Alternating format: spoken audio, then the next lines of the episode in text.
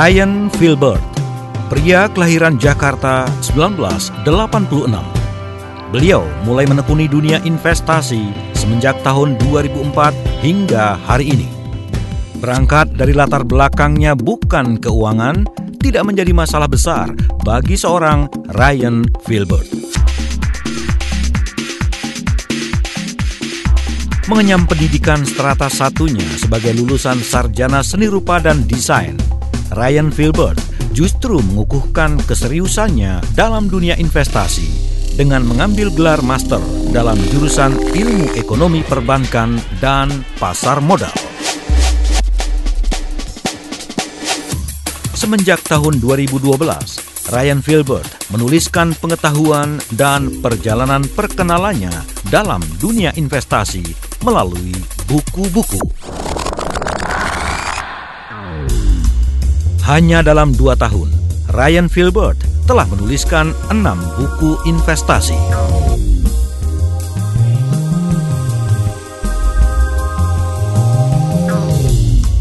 Karena kemampuannya dalam menjelaskan suatu hal yang rumit menjadi sederhana. Berbekal pengalaman selama lima tahun yang pernah berprofesi sebagai pengajar tim Olimpiade Eksakta dan praktisi bela diri, mengantarkan buku-buku Ryan Filbert menjadi bestseller nasional.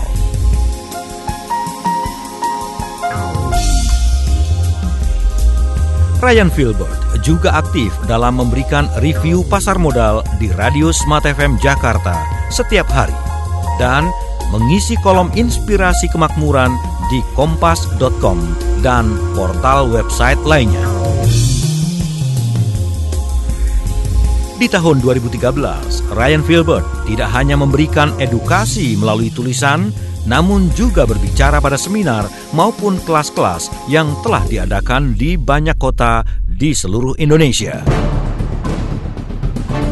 Lalu, mulai tahun 2015, Ryan Filbert juga berkontribusi dalam acara dan kegiatan edukasi investasi dan pasar modal yang diadakan oleh otoritas jasa keuangan.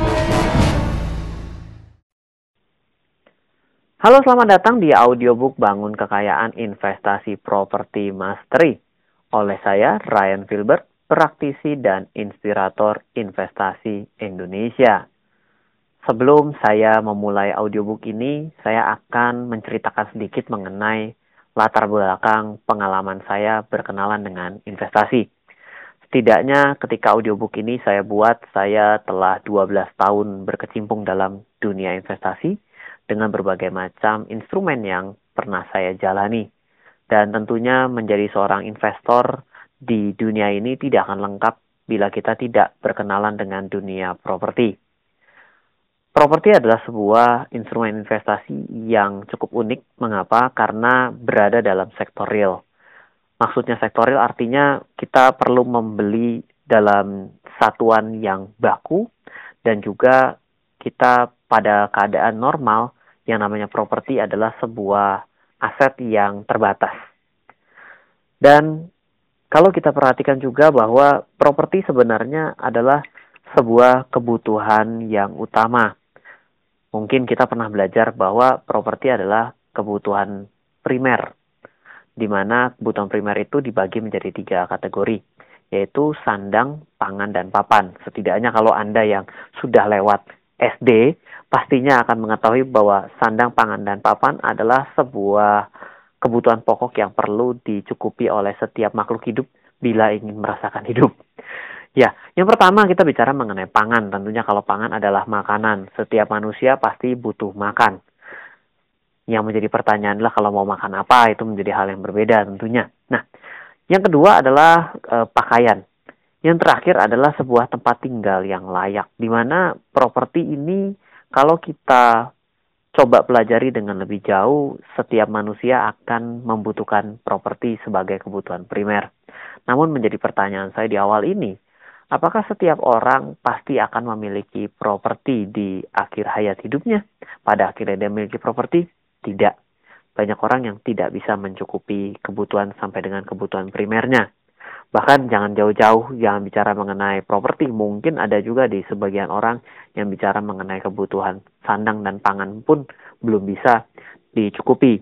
Sehingga bila Anda pada detik ini mendengarkan audiobook ini, audiobook bangun kekayaan investasi properti, maka saya kira kita perlu mengucapkan syukur kepada Tuhan Yang Maha Esa bahwa kita mampu mencukupi kebutuhan primer kita dari sudut pandang papan, eh, pangan dan sandang.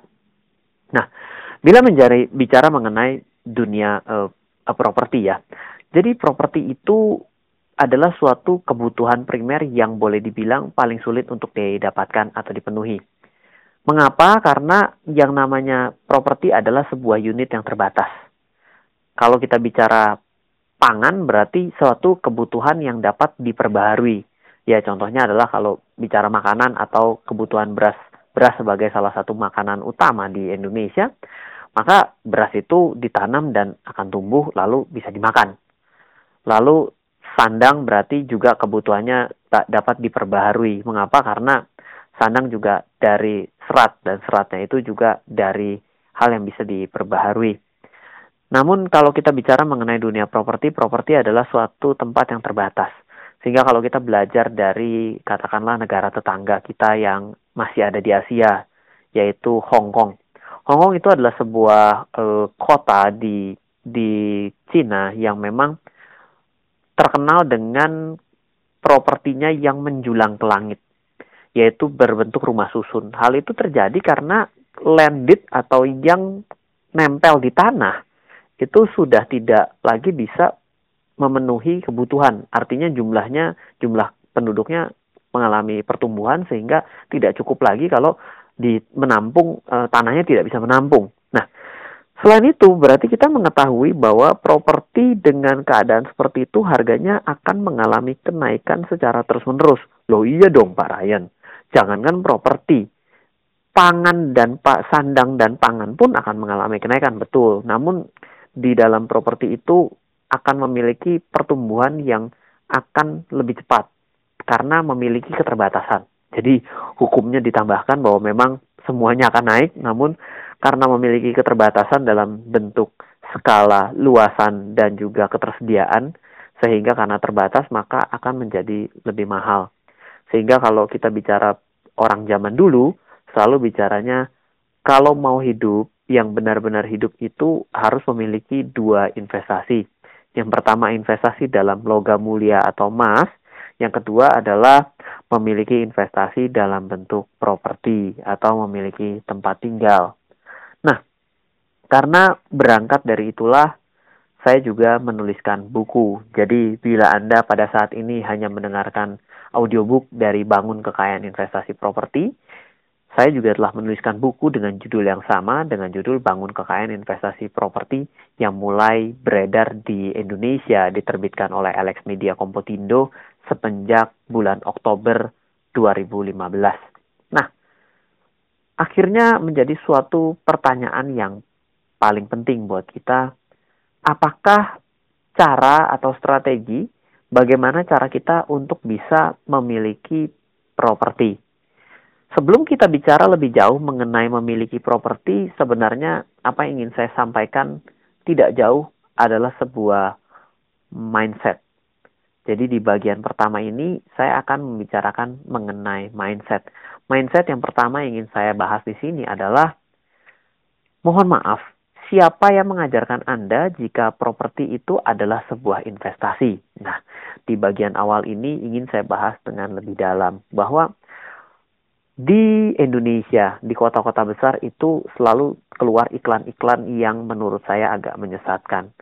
Investasi properti hari ini, besok tidak akan pernah bisa membeli dengan harga yang lebih murah dari hari ini. Sehingga semua orang melakukan berbondong-bondong untuk membeli properti. Dan properti harga naiknya itu keren. Kenapa? Karena di kota-kota besar itu naiknya udah pakai tanggal. Beli properti nanti tanggal 27 akan naik. Beli properti tanggal 28 akan naik. Dan harga propertinya betul mengalami kenaikan. Dan akan menjadi suatu pertanyaan. Sehingga kalau begitu, wah kalau kenaikannya pasti seperti itu, berarti semua orang yang membeli properti akan mengalami keuntungan. Nah, di sinilah mulai terjadi kesalahpahaman. bahwa yang pertama, siapa yang menaikkan harga properti ketika properti itu dijual? Ya, yang jual. Dalam hal ini, yang bisa mengatakan seperti itu berarti yang memiliki areal secara monopoli, yaitu disebut dengan developer. Sehingga ketika terjadi seperti itu, propertinya betul-betul naik. Namun, praktek yang yang terjadi adalah ketika properti itu sudah terjual, dibeli oleh seseorang atau kan katakanlah saya yang membeli properti itu harganya dari 100 juta jadi 150 juta. Dan betul, ketika ada orang lain yang beli di harga 150 juta. Berarti otomatis saya telah mengalami keuntungan 50 juta. Berarti tentunya itu menjadi sebuah aset yang investasi yang berkembang. Namun dalam keadaan yang normal kita harus tahu bahwa yang namanya kenaikan harga yang betul dan sehat itu sesuai dengan permintaan dan penawaran di pasar yang sesungguhnya. Kalau mungkin banyak orang yang belum sadar bahwa yang namanya pasar itu akan ada namanya pasar primer dan pasar sekunder. Jadi ketika pertama kali kita membeli dari developer, itu disebut dengan pasar primer karena ditawarkan perdana, dibangun dan dibeli. Yang lebih hebat lagi adalah di dewasa ini banyak developer yang lebih hebat bisa menjual belum ada rumahnya, belum ada apartemennya, belum ada rukonya, baru katanya akan dibangun, propertinya sudah laris manis, terjual seperti kancang goreng dan kita tidak ada waktu untuk beli lagi, sudah kehabisan. Sehingga terlihat nampak laku, jadi mulailah pemahaman secara meluas bahwa properti adalah sebuah investasi yang menguntungkan. Namun, saya tanyakan sekali lagi, bahwa kalau terjadi di pasar primer yang ditawarkan oleh si developer, apakah terjadi dengan sendirinya di pasar sekunder? Ya, jawabannya banyak orang, iya pak, waktu sekitar tahun 2010 itu kalau beli ruko harganya satu miliar, maka di Jakarta ruko bisa dijual di tahun tersebut saja menjadi 1, 1,5, 1,8. Itu untuk sekundernya Pak, dan ada yang beli. Kan keren Pak, dalam waktu satu tahun mengalami pertumbuhan 30%. Toh, yang namanya investasi pada saham, reksadana, dan yang lainnya tidak bisa memberikan 30% Pak. Iya, betul. Tapi kalau kita perhatikan lagi bahwa kalau kita lakukan seperti itu, maka properti yang dianggap sebagai sebuah investasi di sudut pandang yang lain juga banyak orang yang mengharapkan bahwa properti dijadikan sebagai sebuah kebutuhan pokok yaitu untuk tempat tinggal. Sehingga jangan heran mengapa di sisi lain banyak orang yang ingin punya rumah pertamanya untuk bisa tinggal itu tidak dapat-dapat karena harganya naik terus-menerus. Di sisi lain ada orang yang mendapatkan keuntungan karena perpindahan tangan dari properti satu ke tempat yang lain. Dari orang yang satu ke orang yang lain dengan niat cari untung. Di sinilah mulai terjadi sebuah ketidakselarasan.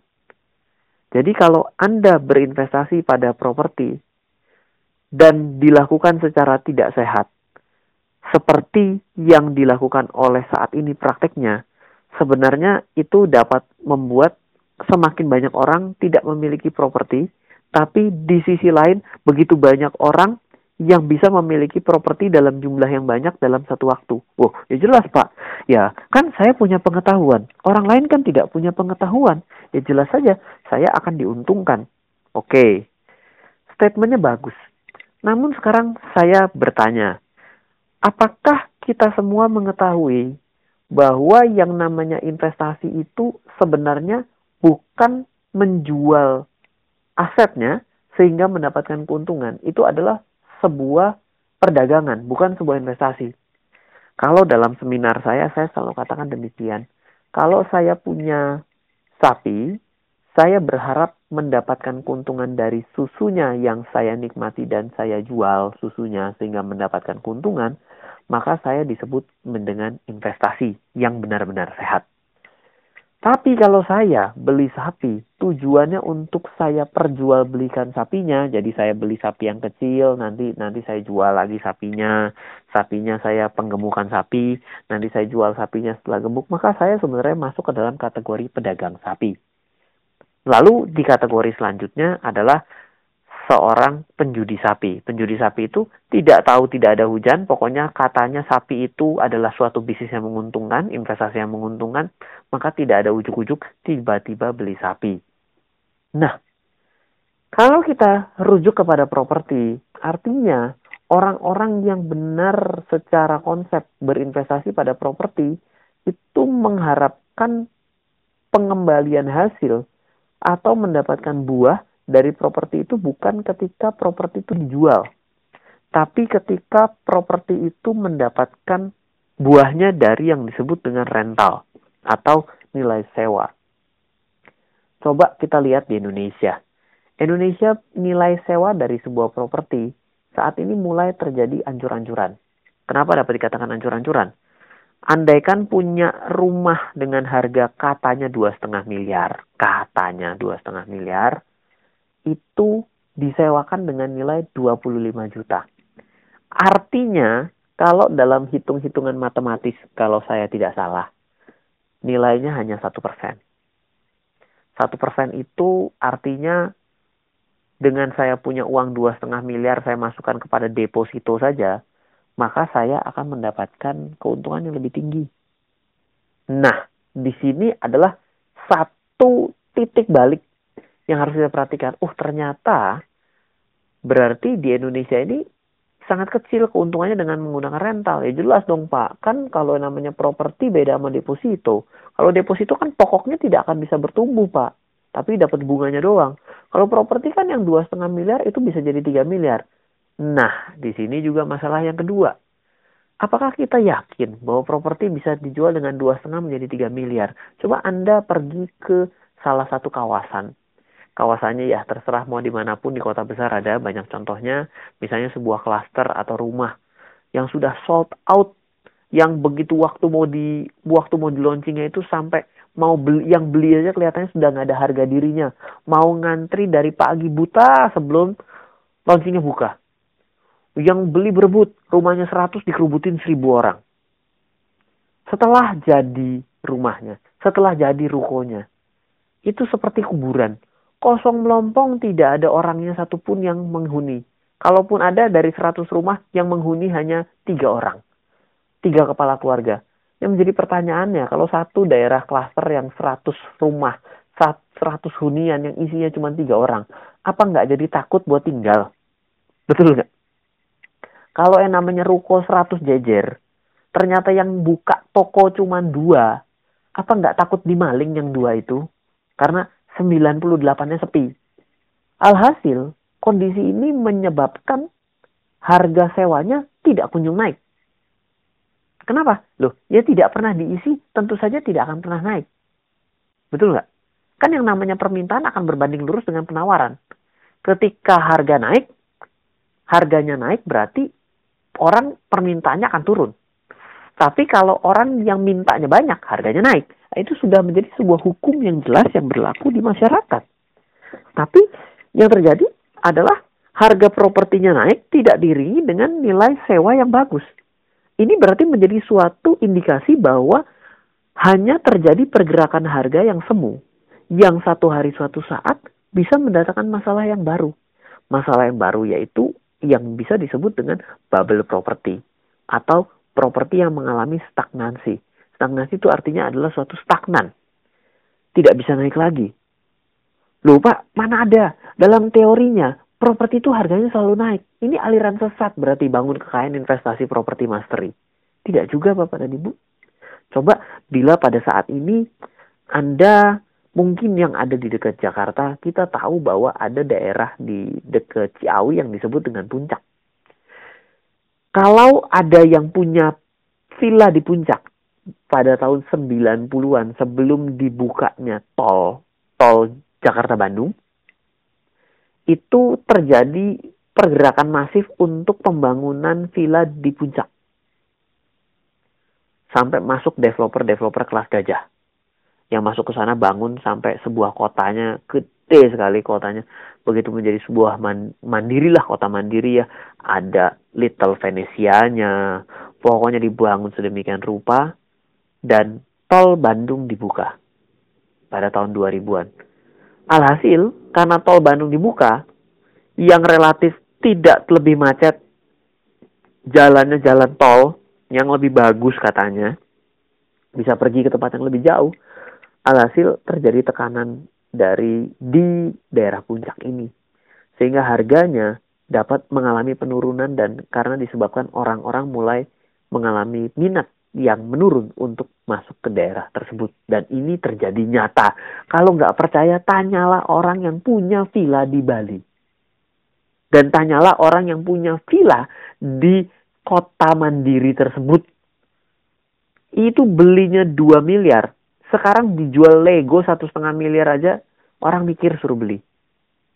Disewain juga nggak terlalu bagus nilainya. Nah, ini artinya terjadi penurunan atau stagnan. Berarti kita harus paham, di sini kita harus bisa menjadi seorang investor yang selektif. Tapi menjadi pertanyaannya adalah bagaimana memilih properti yang standar, bagaimana memilih properti yang murah. Itu nanti akan di sesi lainnya, tentunya di sesi investasi. Namun di sini artinya ingin saya ceritakan bahwa bagi orang yang mengajarkan bahwa investasi adalah murni, uh, properti adalah investasi sebenarnya tidak terlalu tepat. Karena sebenarnya properti itulah konsumsi seharusnya. Kenapa? Properti itu tidak akan ada nilainya kalau tidak dikonsumsi. Beda dengan saham, nggak ada yang mau makan kertasnya saham gitu kan. Properti ini akan memiliki nilai investasi yang baik kalau mengalami pertumbuhan dari segi komunitasnya juga. Dari ada sektor realnya di sini. Dan kalau Anda punya properti dan Anda bisa beli, beli dan Anda tinggali, sebenarnya itu bukan menjadi sebuah investasi. Banyak orang yang berpikir bahwa Wah, kalau saya punya properti ini udah aman lah hidup saya. Saya punya investasi yang baik. Nah, sekarang pertanyaan saya, kalau Anda tinggal di dalam satu rumah, lalu Anda tidur di situ, Anda mendapatkan keuntungan dari segi uang apa? Oh iya Pak, saya lebih hemat loh Kenapa? Loh ya saya gak sewa. Loh tadi kan sudah jelas di statement yang pertama. Rumah dua setengah miliar, yang dua setengah miliar itu dapat Anda nikmati hanya dengan bayar 25 juta. Betul? Kalau Anda beli dengan nilai dua setengah miliar, Anda akan lebih pusing bayarnya. Karena apa? Harga sewanya terlalu murah. Harga propertinya over value. Nah, jadi di sini kita harus tahu bahwa pada bagian yang pertama ini saya ingin mengetuk menyadarkan bahwa kalau kita bermain-main dengan cara berspekulasi dengan cara wah properti pasti naik, saya khawatir bisa terjadi perlambatan kenaikan properti dan juga penurunan harga properti yang akan merugikan semua pihak. Ini yang pertama. Lalu yang kedua adalah saya juga tidak sepenuhnya setuju bahwa properti bisa mengalami kenaikan secara terus-menerus. Karena ya dipengaruhi oleh harga sewa atau permintaan dengan keadaan sebenarnya. Bukan harga rumahnya dijual lebih mahal terus itu menjadi sebuah nilai yang eh, benar karena itu menjadi kenaikan yang semu. Jadi kalau dibilang yang selanjutnya adalah kalau kenaikan properti diakibatkan karena minat beli yang terlalu tinggi, itu adalah suatu hal ini adalah suatu hal yang tidak terlalu baik karena bisa diakibatkan bukan karena benar-benar permintaan, tapi karena ulahnya dari si pedagangnya, si developernya. Ya, jadi sedikit agak uh, black campaign ya, tapi artinya di sini kita harus jeli bahwa menjadi memiliki properti itu ternyata memiliki variabel yang banyak. Dan yang keempat adalah kebutuhan primer orang itu adalah tempat tinggal. Jadi properti dijadikan sebuah sarana investasi itu akan akan juga diikuti oleh pedagang properti dan juga spekulan properti yang membuat harga dari properti ini tidak terkendali.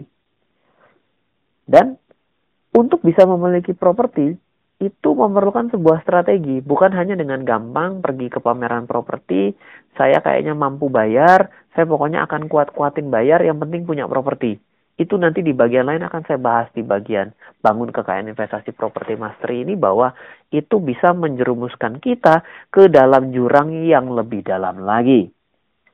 Jadi ini sampai pada akhir dari sesi pertama mengenai prolog mengenai bangun kekayaan investasi properti. Dari saya, Ryan Filbert. Salam investasi untuk Indonesia.